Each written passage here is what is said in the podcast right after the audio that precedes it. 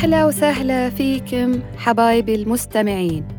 مبارك عليكم الشهر الفضيل الجميل اللي بركاته وحلاوته تتجدد كل سنة معانا وتحسسنا إنه ما زلنا أطفال فرحانين بالشهر وبدخلته علينا.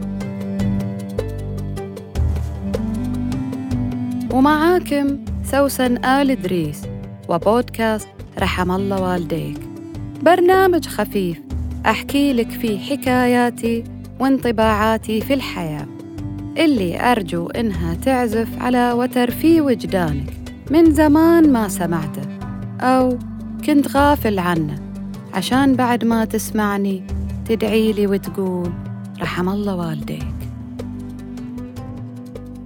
صديقة الوالدة اللي صارت واحدة من أهم المتابعين المخلصين لبودكاست رحم الله والديك طلبت مني إني أتكلم عن الحجاب في أيامنا هذه وإنه ما عاد بحجاب وفقد معناه الحقيقي في ستر المرأة وحجبها من عيون الرجال والنساء المتطفلات.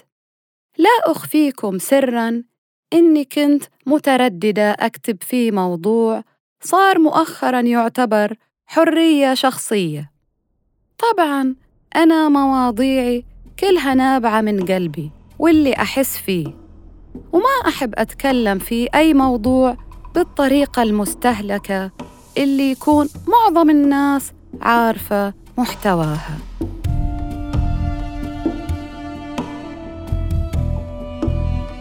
يعني إحنا كسعوديين بمختلف مناطقنا ومذاهبنا في عندنا حث على الحجاب بشتى الطرق سواء من الناحية الشرعية في نصوص القرآن الكريم والأحاديث الشريفة أو من ناحية أنتي لؤلؤة مخباية بصدفة ما يشوف مفاتنها إلا جوزة فأنا أكيد ما بناقش الموضوع بطريقة الستيريوتايبد الطريقة النمطية اللي إحنا متعودين عليها.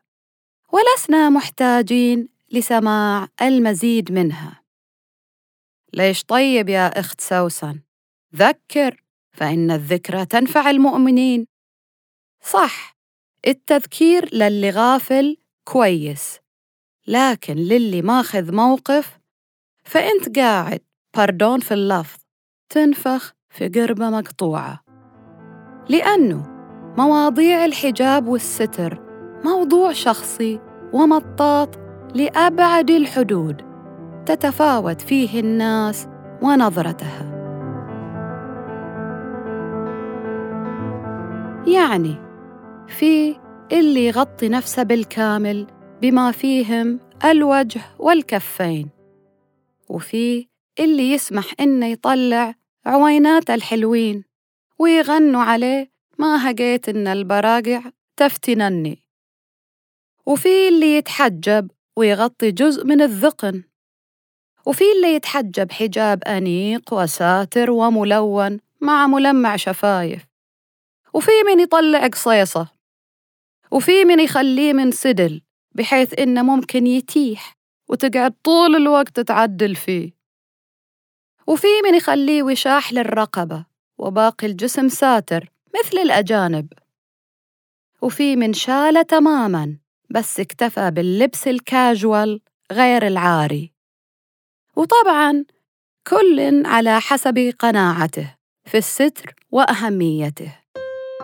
طيب يعني إحنا محتاجين تعددي لنا أنواع الحجاب.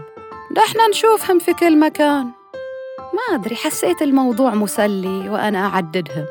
اعتبروها فقرة إعلانية.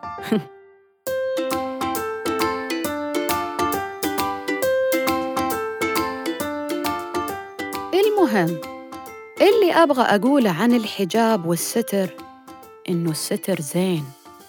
صحيح ما أمزاح الستر زين. وإيش لينا بالفضايح وكشف المستور؟ الحجاب يريح المرأة ويعطيها أريحية في التعامل وفي نفس الوقت يحجز عنها غثاثة الحياة والتدخل في خصوصياتها. طبعاً. مو القصد مريح يعني يخليها تلبس بيجامة وشعرها منكوش. مع أن إنه ده واحد من الجوانب اللي مهضر بعد.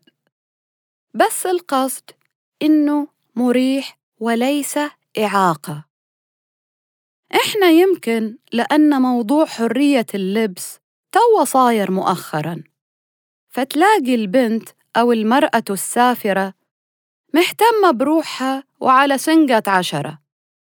لكن لما تكوني من أصلك منتي محجبة وعايشة دايماً بلا ستر وتطلعي للشارع بجميع أحوالك النفسية بلا حواجز تكون المرأة هشة أو مشابهة للرجال في مظهرها.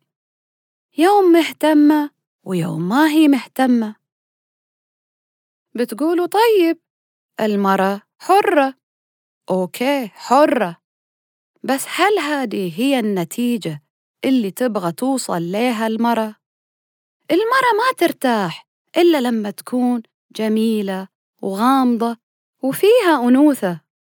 والعري بصراحة ما يوفر لها دا الشي. فأنا ليش أخسر ميزات الستر الحلوة؟ عشان حرية اللي هي في النهاية بتكون إلي قيد. ترى القيود في كل شي في الحجاب وعدم الحجاب.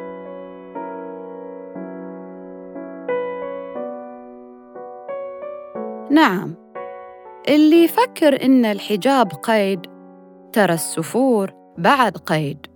أنا لازم أتقيد إني أكون لابسة لبس مناسب للمناسبة اللي أنا رايحة ليها سواء رايحة السوبر ماركت أو حفل رسمي. وإذا أنا أحب الأناقة والشياكة بتقيد إني أكون لازم كل شي فيي بكل دقة مرتب من سشوار الشعر وضبط الألوان والإكسسوارات. بتقولي إن المرة تحب هالشغلات صحيح تحبها لكن بتكون قيد لها في جميع الأوقات. اللي هي تفكر فيها تطلع من بيتها.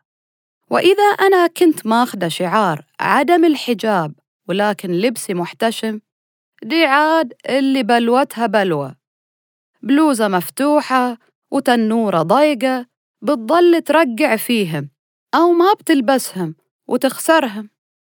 نعم حرية شخصية لكن قيد ولا مو قيد؟ يا متعلمين يا بتوع المدارس. خلاصة قولي أن كلاهما قيد فاختاري القيد الذكي. والشاطرة هي اللي تختار القيود اللي تخدمها. والستر زين واسمعوا كلام أبلة وفية ولا تضايقوها. صديقة أمي ورحم الله والديك.